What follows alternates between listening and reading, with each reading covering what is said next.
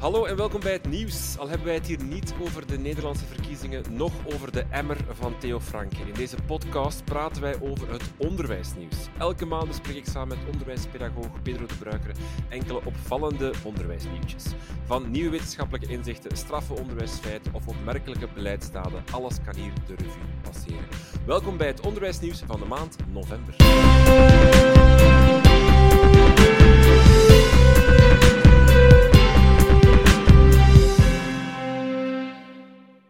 Dag Pedro. Dag Renke, hoe gaat het? Goed, goed. En met jou? Wij leven, wij leven.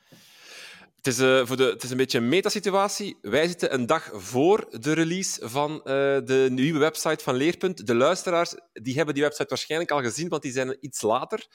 Uh, wat kunnen de luisteraars daarop terugvinden, op die website? Wel, uh, zij kunnen nu, want als ze dit horen, is die er al, uh, ja. in eerste instantie de Vlaamse versie van de EEF Toolkit gaan bekijken. Wat is de EEF Toolkit? Is een, uh, een overzicht van 30 thema's en er komen in januari er nog extra bij, maar dan specifiek voor het kleuteronderwijs, waarbij je kan zien de bijsluiter bij wat je doet in het onderwijs. Bijvoorbeeld de bijsluiter bij huiswerk. Ja, hoeveel effect kan het hebben, maar wat uh, zijn dingen die je beter niet doet? Wat zijn dingen die je beter wel doet? Um, wat is het effect bijvoorbeeld ook op um, gelijke kansen of ongelijke kansen? En op die manier kun je een weloverwogen keuze maken. We hebben uh, de voorbije maanden keihard gewerkt, want het is geen vertaling. We hebben echt geprobeerd te hertalen naar het Vlaamse onderwijs. En uh, medewerkers van Leerpunt hebben ook al samengezeten met, met scholen met teams, om een keer te kijken bijvoorbeeld zelfregulerend leren. Jullie doen dat. Wat herken je in de, in, uh, de uh, toolkit? En wat zou je nu veranderen als je dit leest? En dat is een zeer interessante oefening om te maken als school. Mm-hmm. De soort van, als je het als schoolteam, als individuele leerkracht of als vakgroep even niet meer weet van wat is dat nu juist, wat kunnen we er nu mee aandoen, wat voor gevolgen heeft dat, is die toolkit ideaal om even naartoe te gaan, te kijken, inderdaad, oké, okay, huiswerk, wat voor impact heeft dat eigenlijk? Oei, zijn we daarmee uh, kansenongelijkheid aan het creëren, ja of nee? Ja. Uh, en dan en neem ik aan, evidence-informed allemaal. Ja, uh, het is gebaseerd op niet één onderzoek, maar op heel veel onderzoek, want één onderzoek maakt talenten niet, niet waar. Um, En dat is een eerste stap. Er komt, er komt echt de komende tijd nog heel veel meer.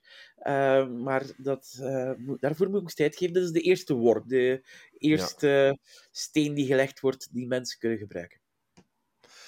Er is nog iets, en daarvoor zijn we zowel de luisteraar als wij te vroeg, want eigenlijk een dag nadat deze podcast online komt, komen de PISA-resultaten online. Dat is elke keer toch weer even een soort van een reality check met hoe staat het met ons Vlaamse onderwijs. We kunnen daar nu nog niets over zeggen, want we weten het nog niet. Dus het zal voor het volgende onderwijsnieuws zijn dat we daar wel even op terugblikken. Maar kan je al iets zeggen van wat je verwacht dat het zal worden? Het zal niet zo'n goed nieuwsshow zijn, denk ik. Uh, ik heb ze nog niet gezien, echt waar. Ik bedoel... Hm. Uh, ja, nee, ik bedoel...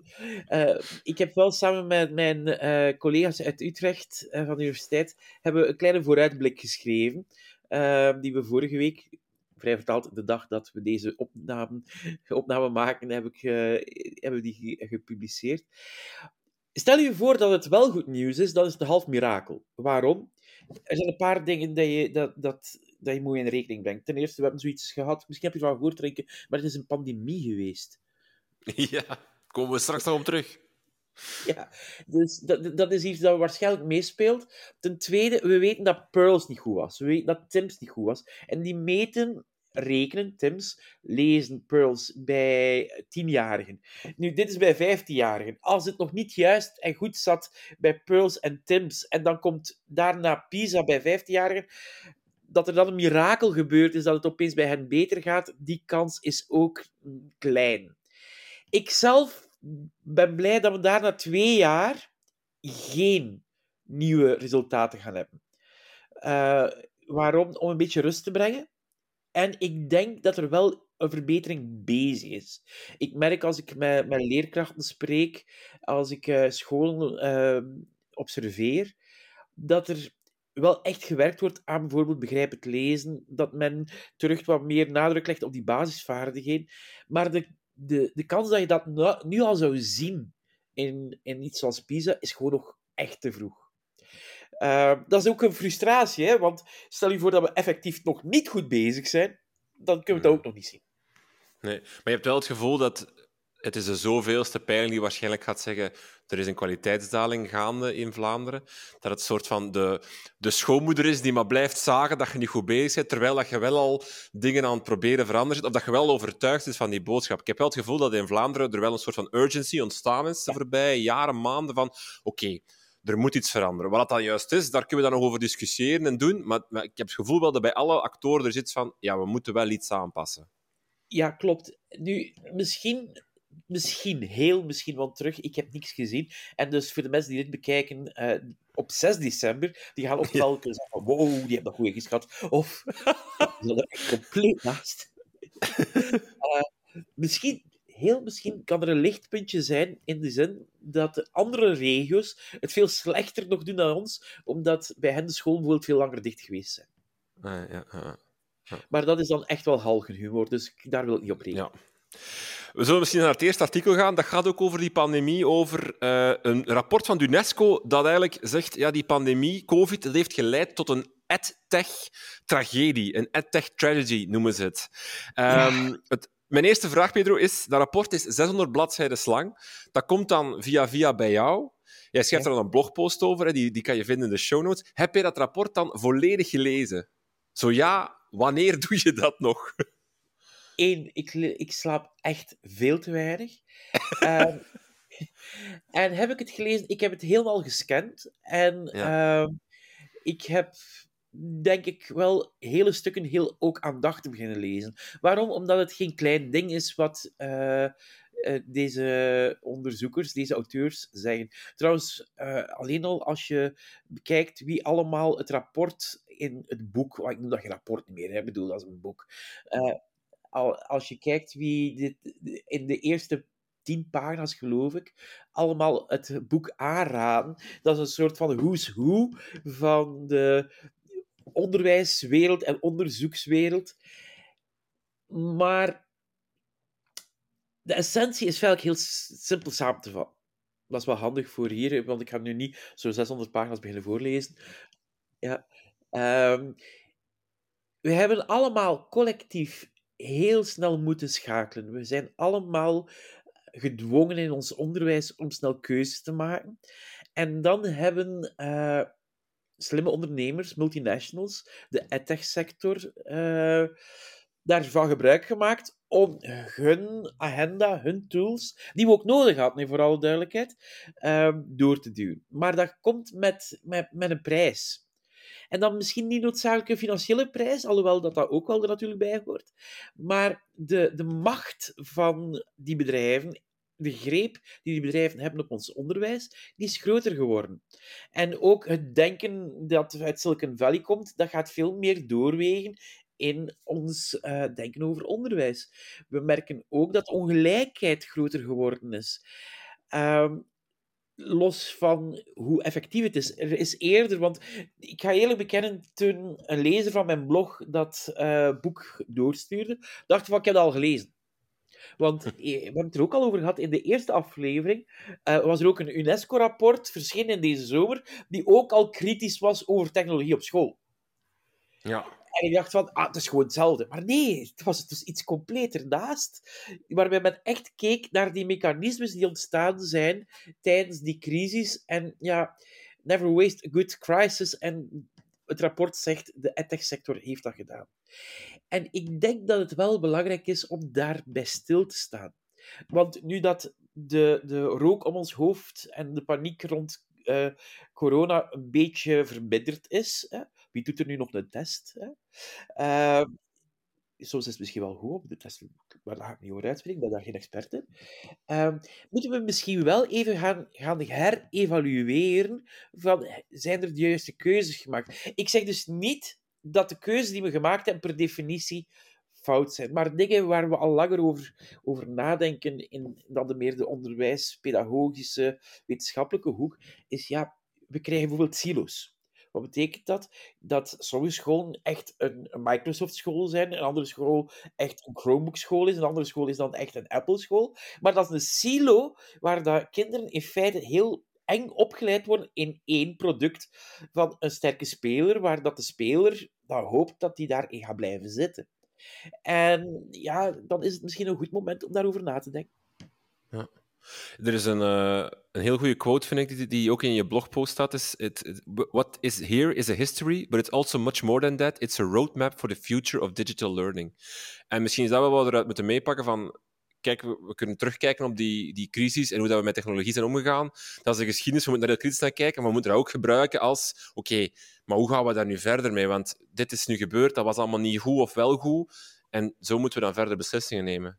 Ja, en, en je merkt wel dat, dat uh, er steeds meer. Ik vind zelf, als ik de twee UNESCO-publicaties, zal ik maar zeggen, dat elkaar zie, dan zie je dat die, wat uh, door sommigen een techlash genoemd wordt, technology backlash, nu full force bezig is. En dat er, ik, ik wil er zelf over waken dat we dan die echt doorschieten in een compleet negatief beeld. Want, sorry, ik denk dat. Uh, we zonder die technologie misschien echt wel nog een grotere leerachterstand zouden gehad hebben. En ik denk dat niet enkel, we zien dat ook uit een onderzoek dat eerder gepubliceerd is uh, dit jaar in Nature, dat we tijdens de, de grote achterstanden en de grote verschillen ontstaan zijn tijdens de eerste lockdown.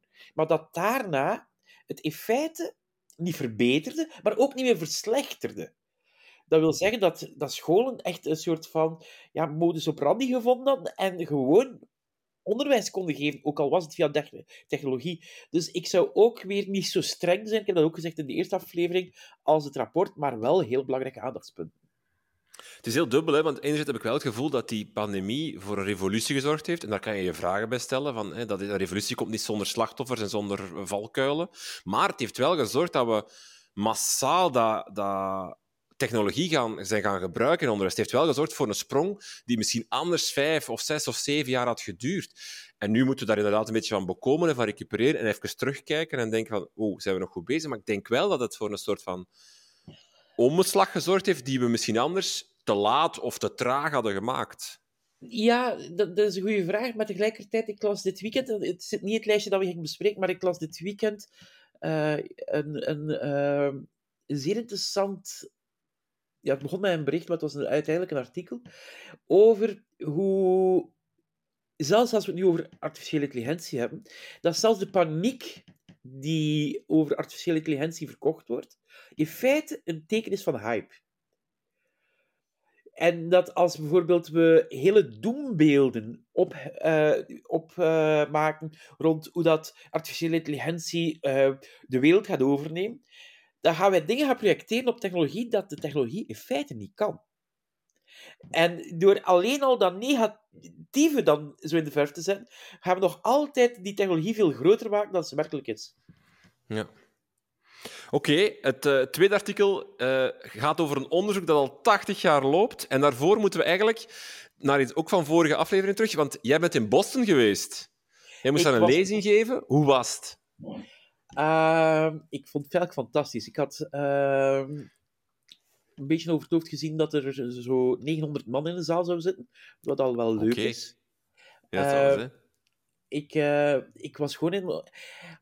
Het was heel dubbel. Ik, ik was gevraagd om daar een sessie te geven. Maar mijn goede vriend en mentor Paul Kirster was gevraagd voor een keynote, maar door omstandigheden kon hij niet gaan. En dus ik werd gepromoveerd. Ik had liever eer wie eer toekomt dat Paul dat gedaan had. Maar opeens was ik dus keynote-spreker. En ik heb gewoon gezien wie daar allemaal keynote-spreker was in het verleden, wie dat er nu nog met mij keynote-spreker was. En dan dacht ik maar één ding, I'm not worthy. Uh, het was echt...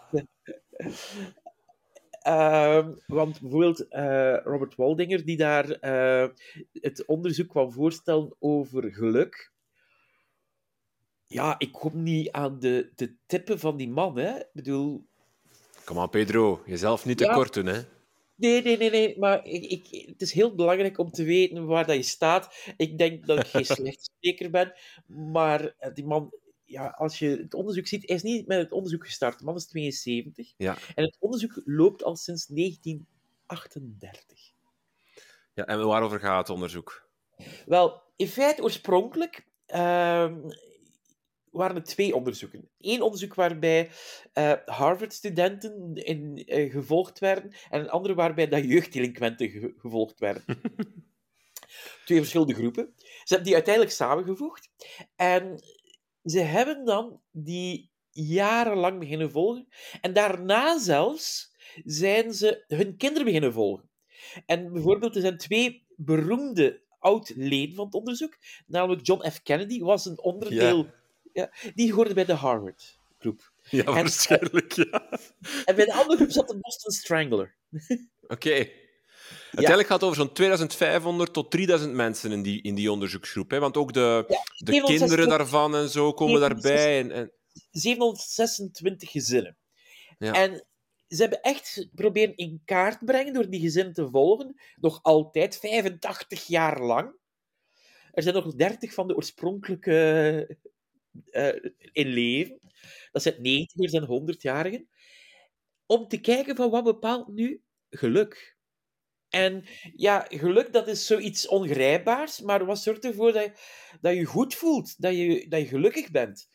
En dan blijkt bijvoorbeeld, voor mij was dat een van de grote inzichten, ehm, dat connectie en de kwaliteit, de warmte van uw connecties zo cruciaal zijn. En ik, ehm, voor mij was dat een oogopener, een eye-opener. Nu, nu, ben ik zelf slecht uh, vertaald. Ik vond de quotes, vind ik, uh, want uh, je hebt het, het op je blogpost heb je er een filmpje bij gepost. Fantastisch om te zien. Echt aanrader voor iedereen om eens te bekijken. 20 minuutjes, echt een, ja, een, echt een eye-opener inderdaad over hoe dat je kijkt naar, naar je leven. Maar de quote vond ik: eenzaamheid is even slecht voor je gezondheid als een half pakje sigaretten per dag. Ja, en wat ehm, Robert ook nog in de Verenigde Staten tijdens zijn keynote meegaf, was de evolutie die hij gezien heeft. Want ja, die data laat ook toe om evoluties te storen, natuurlijk. En dan merk, merk je dat bijvoorbeeld um, het, een samenkomen met een clubje, bijvoorbeeld uh, een meeting van een uh, honkbalclub of een sportclub, of, dat taalt met 38 procent. Of op 25 jaar tijd zie je dat achteruit gaan. Het aantal etentjes met familieleden gaat achteruit. Um, en dat, maakt afspreken met vrienden staat onder druk. En ja, dan denk ik van, ja, zijn we dan ook weer niet... En dan legt Robert zelf de link met het digitale. Alhoewel dat hij zelf ook zegt dat dat waarschijnlijk te makkelijk is. Uh, ik bedoel, een samenleving evolueert op veel manieren. Maar het elkaar zien, het letterlijk samenleven... En nu klink ik echt wel heel erg pedagogisch. Ja, misschien is dat wel een van de belangrijkste dingen die we moeten gaan bekijken, om dat uh, nationaal of dat bruto nationaal geluk gaan, gaan te herwaarderen, te gaan verhogen.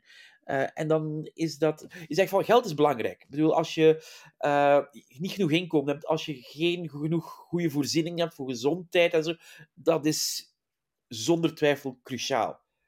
Maar eenmaal dat je dat hebt, en laat eens eerlijk zijn, we leven in een rijke regio waar spijtig genoeg niet iedereen genoeg geld heeft en niet iedereen optimale toegang heeft, maar wel een hele grote groep toch. Staat ook hier dat geluk onder druk, zeker ook bij de jongeren, ja, dan denk ik dat we misschien toch wel moeten gaan kijken naar dat samenleven.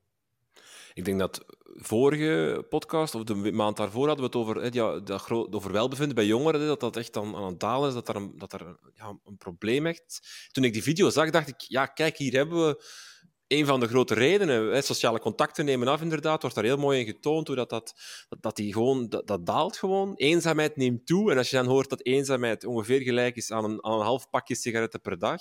En let op, eenzaamheid... En, uh, wacht, ze, ze zeiden het goed in het filmpje. Hè, eenzaamheid is niet gelijk aan alleen zijn. Hè, dat hangt van iedereen verschillend af. Het gaat dat, dat, was ook een, vond ik een sterke takeaway. Hè. De kwaliteit van relaties is belangrijk. Als je er twee hebt die gigantisch kwaliteitsvol zijn, is dat beter dan of beter, waardevoller dan tien losse contacten, zal ik maar zeggen. Dus eh, ik wel, het filmpje is echt, ik ga het in de show zetten, is een must, must-see voor iedereen, denk ik. Ja, en, en, en, voor mij is het ook wel leuk, en dat vond ik goed aan de conferentie, is, ja, ik ga naar veel conferenties soms om zelf te spelen, maar ik wil ook nog altijd spreken en, en ik wil ook zelf nog leren. En soms is het heel interessant om uh, een keer een spreker te zien uit een hele andere tak van wetenschap dan waar jij mee bezig bent. Want ja, dat, dat laat net toe om uw ogen open te doen. Uh, de man bleek ook ontzettend aimabel te zijn. Nu, dat is mooi meegenomen. maar ja, ik moet zeggen, ik heb uh, een blogpost geschreven, die gaat gepubliceerd zijn op het moment dat je dit kan zien op mijn blog, waarin ik het hierover heb. En dat ik zeg van, ja, die reden had ik nooit gezegd eh, als we het hadden over dat achteruitgaan van het welbevinden van jongeren. Maar dat is een extra belangrijke reden die waarschijnlijk ook meespeelt. Hoe, misschien nog even, hoe uitzonderlijk is dit soort onderzoek, dat ze 80 jaar mensen volgen? Dat, en, en hoe waardevol is het feit dat je dat longitudinaal kan doen, zo mensen volgen? Um, er zijn er nog wel. Uh, je hebt uh, tweelingenonderzoek dat heel lang loopt. Je hebt uh, een ander soort van aanpak, waarbij dat dezelfde vragenlijst bij 18-jarigen als sinds de jaren 60 gesteld wordt, waarbij dat je dan echt evolutie ziet. Het grote probleem is dat we geen teletijdmachine hebben om dat in het verleden op te starten. Maar uh, ik ga nu al een keer een voorafname maken voor de uitzending van maart. Want in februari... Ja, hij geeft toe. Hè? um, maar hier in Vlaanderen zijn we ook wel met iets gelijkaardigs bezig. En dat is veel te weinig bekend, zeker in de onderwijswereld.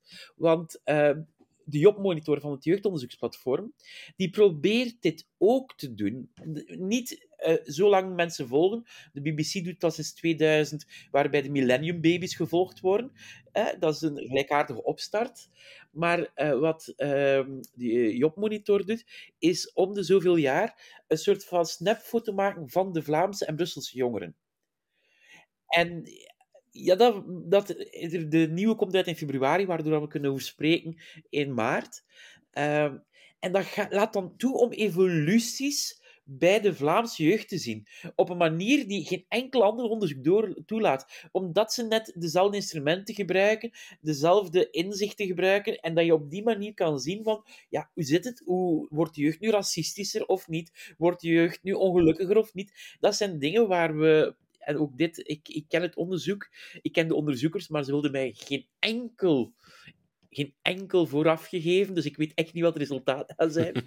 maar uh, ik ben wel heel benieuwd. Is het ook iets dat, dat te weinig gebeurt, omdat het gewoon... Het kost veel geld, neem ik aan. En, en je hebt maar het resultaat over 80 jaar, of, of laten we zeggen over 10 of 20 of 30 jaar, omdat je dat longitudinaal net moet hebben? Uh, je wil als wetenschapper vaak zelf... Bijvoorbeeld, dit, dit onderzoek dit is al aan de vierde, denk ik, als ik juist ben, hoofdonderzoeker. Hè? Dus uh, uh, onze, onze goede vriend Robert is de vierde al, denk ik, die de, de leiding heeft op het onderzoek. Dus je, je weet, als je dan een onderzoek begint, dat, dat waarschijnlijk de, de bevindingen of zo, dat die, pas dat die voor de volgende zullen zijn om mee uit te pakken. Ja, ja maar dat, dat vind ik veel dus mooi. Dat wil ook zeggen uh, dat jij je als wetenschapper ondergeschikt maakt aan het onderzoek.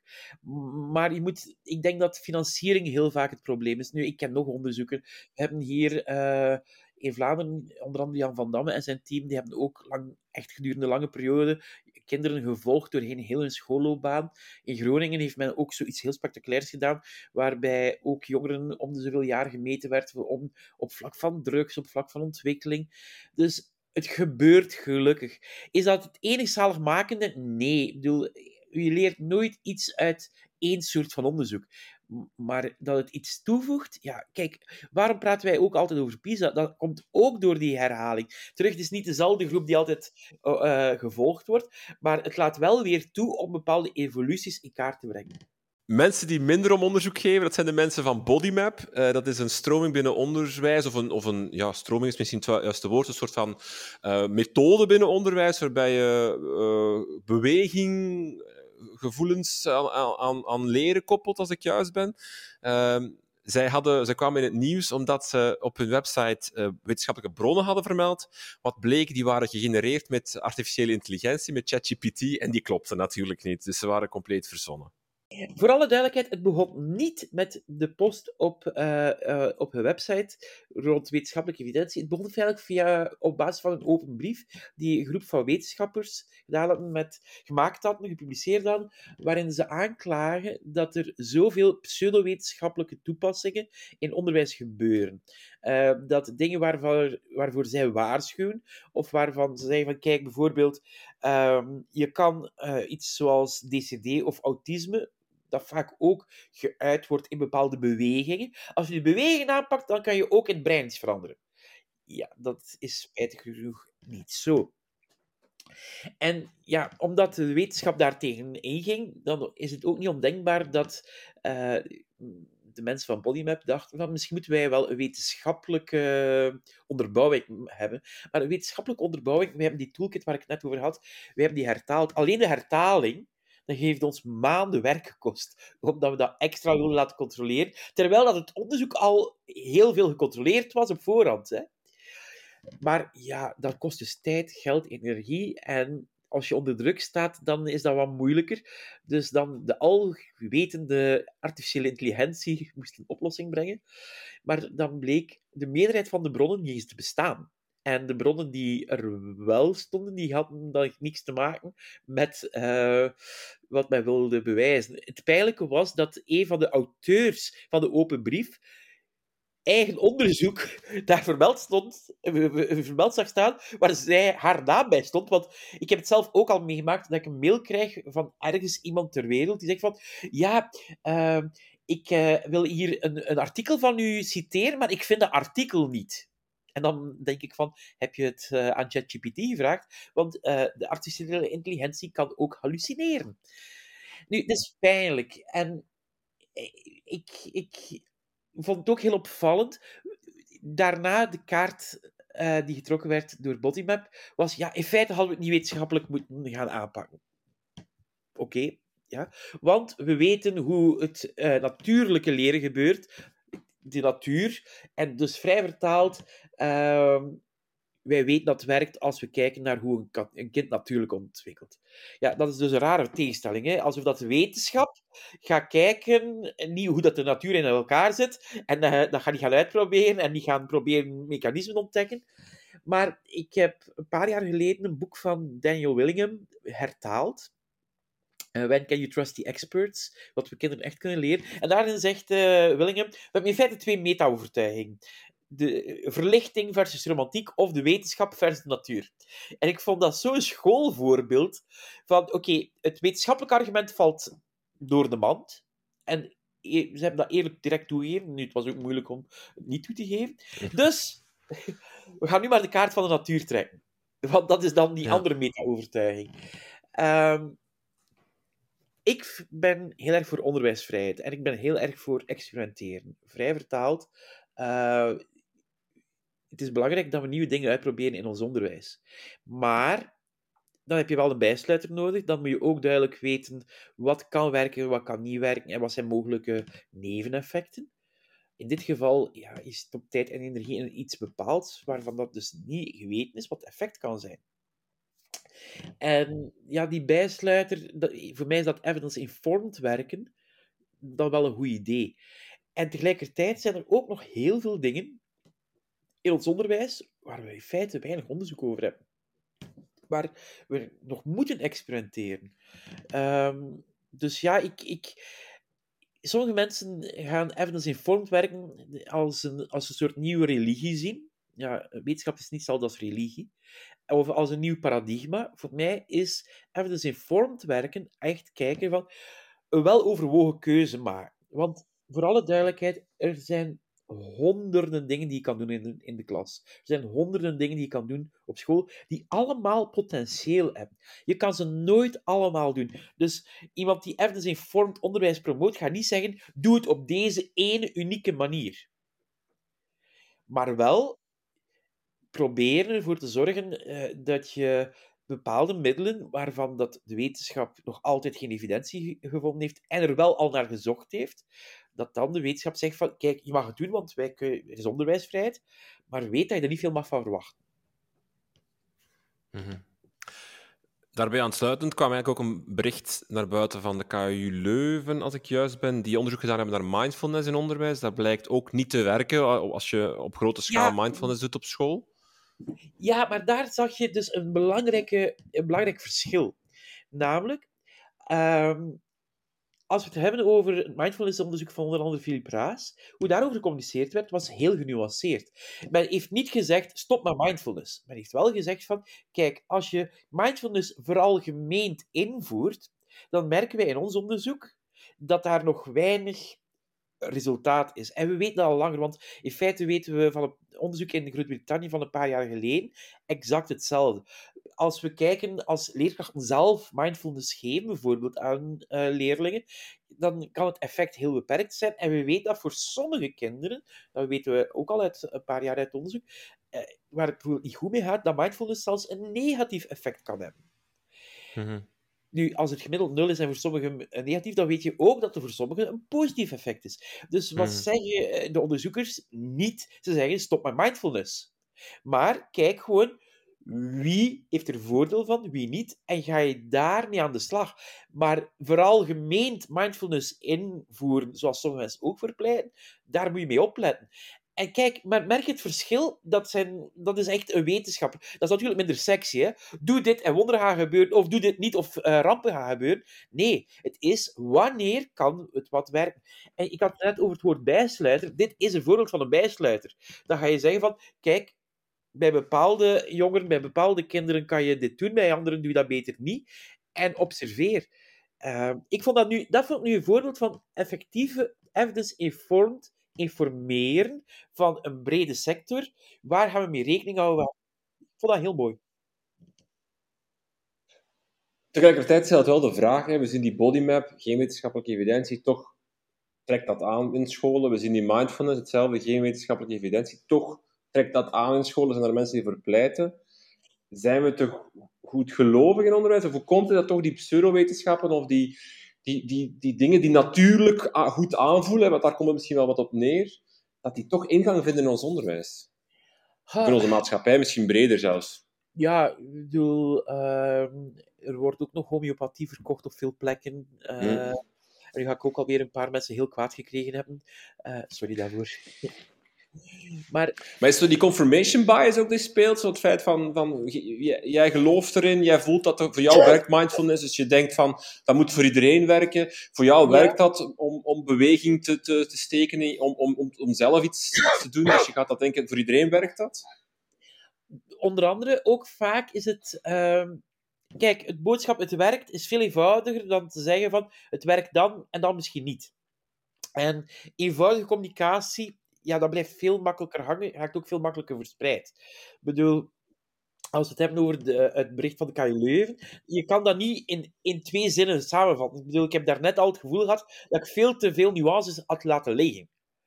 Ehm, en leerkrachten staan gewoon ook, scholen staan onder tijdsdruk. Ik bedoel, wij hebben de luxe als wetenschapper om ons echt in iets te verdiepen. Uh, de eerste mythe die ik ooit onderzocht heb, was uh, niet leerstijl, maar was de leerpyramide. Maar dat heeft vier weken van mijn leven gekost. Ik heb die zomer weinig vakantie gehad. Ik bedoel, alleen al dat van naadje tot draadje te gaan uitspitten. Maar ik wil niet dat leerkracht natuurlijk niet moet bezig zijn met hun leerlingen, met hun lessen. Hè. Ik bedoel, ik bedoel, daarom ook dat ik leerkrachten ga ik nooit verwijten dat ze zulke dingen geloven. Waarom? Zij hebben niet de mogelijkheid. En bijvoorbeeld, ik ben blij dat er dan wetenschappers gecontroleerd hebben, en journalisten, want ze hebben zowel journalisten als wetenschappers, die die 40 bronnen gecontroleerd hebben van Bodymap, en dan geduid hebben van, oh, oh, dit klopt niet. Ik ben blij dat dat gebeurd is. Maar ik vind niet dat dat de job is van onderwijsmensen om die oefening te doen. Mhm. Oké, het laatste gaat over, uh, het laatste artikel het gaat over self-assessments. Dus eigenlijk leerlingen die zichzelf evalueren, zelf een, een kwaliteiten in kaart brengen? Moet ik het zo zien? Een, een soort van zelfreflectie op het einde van een toets bijvoorbeeld, zoiets? Ja, en, en dit gaat veel leerkrachten niet verbazen, maar leerlingen schatten zichzelf vaak te goed in. Uh, ja. ja, we weten dat leerkrachten vaak niet slecht zijn in het inschatten van leerlingen en ja, dat leerlingen soms een te positief beeld hebben. Ja. Uh, dit verbetert wel als je het daar meer in traint. Dit verbetert wel als ze meer feedback krijgen. Je kan daar iets aan doen, maar het toont wel hoe belangrijk dat, dat is om ook jezelf te leren inschatten. Want dit gaat er ook voor zorgen dat bijvoorbeeld leerlingen uh, sneller gaan denken van ik kan het. Op het hmm, moment dat ze het nog niet kunnen. En ja, dit is al zo het soort onderzoek dat ondergesneeuwd raakt. Dat is niet het soort onderzoek dat uh, veel media-aandacht krijgt. Ik ben blij dat we het daar toch even over kunnen hebben. Want ik weet dat al veel leerkrachten aan feedback werken. Ik weet dat al veel leerkrachten ook al vragen ik zie het zelf vaak in, in lagere school, maar ook in secundaire school, hoe, dat je dezelfde leerling dat laat inschatten. Maar dan gewoon die, die stap verder, waarbij dat je eventjes gaat kijken van, ja, je hebt jezelf zo ingeschat, hoe komt het? Maar heb je het nu al een keer vergeleken met wat dat je echt gedaan hebt? En waarom verschilt het? Om op die manier die, dat self-assessment te verbeteren, ja, dat zijn kleine dingen, maar die weer kunnen helpen om bijvoorbeeld de volgende keer als een kind zit te studeren, een jongere zit te studeren, te denken van, ja, misschien ben ik nog niet klaar. Waardoor dat leren weer kan verbeteren. Terug, dit zal geen Nobelprijs winnen. Dit zal geen uh, groot artikel op de voorpagina van de Standaard opleveren. Maar het is wel zinnig onderzoek. Want inderdaad, als je dan vraagt aan je leerlingen, kan je het? Of als je je leerlingen laat inschalen van hoe goed ken je de leerstof, dat gaat, dat gaat hoger liggen dan waarschijnlijk de realiteit is. En daar moet je rekening mee houden als leerkracht, dat dat je eigenlijk zelf nog eens een test doet of zo. Of dat je zelf nog even probeert te bepalen van waar staan mijn leerlingen voor. Dat je niet alleen afgaat op wat je leerlingen zeggen, want dat kan dus niet helemaal juist zijn. Ja, en, en ik denk dat weinig leerkrachten dat doen. Wat zie je veel klassen, is dat je de mm. beide Maar die oefening om die twee dan ook met de leerling te vergelijken en dan die zelfinschatting te verbeteren, dat kan helpen om, om leerlingen ja, minder snel tevreden te zijn als het niet nodig is.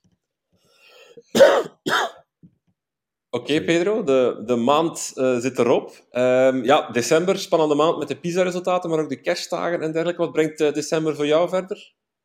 Um, ja, ik, uh, we gaan met Leerpunt heel veel oproepen lanceren voor praktische leidraden. Dat zit in de, de pijplijn. Uh, ik ben echt wel benieuwd naar PISA. Um, in die zin ook benieuwd hoe dat de ontvangst gaat zijn. Want ik heb schrik dat leerkrachten al zo mur geslagen zijn, dat het onderwijs al zo mur geslagen is, dat je zegt van, oh, weer slecht nieuws. Uh, hou de moed erin. En um, ik kijk echt uit naar uh, de vakantie. En ik heb ook voorgenomen om echt vakantie te nemen. Ik heb de voorbije drie jaar verschillende Lego-dozen gekocht, die ik nog altijd niet gemaakt heb. En ik denk dat ik daar mee ga bezig zijn in de vakantie. Maar dat is Oké. Ik wens er je super veel plezier mee. Heel veel dank. En ik zie jou terug ergens uh, eind december. Zo we zullen nog zien wanneer dat we doen. Dat we, dat we inderdaad allebei vakantie kunnen hebben. Goed idee. Tot volgende maand. Tot volgende maand.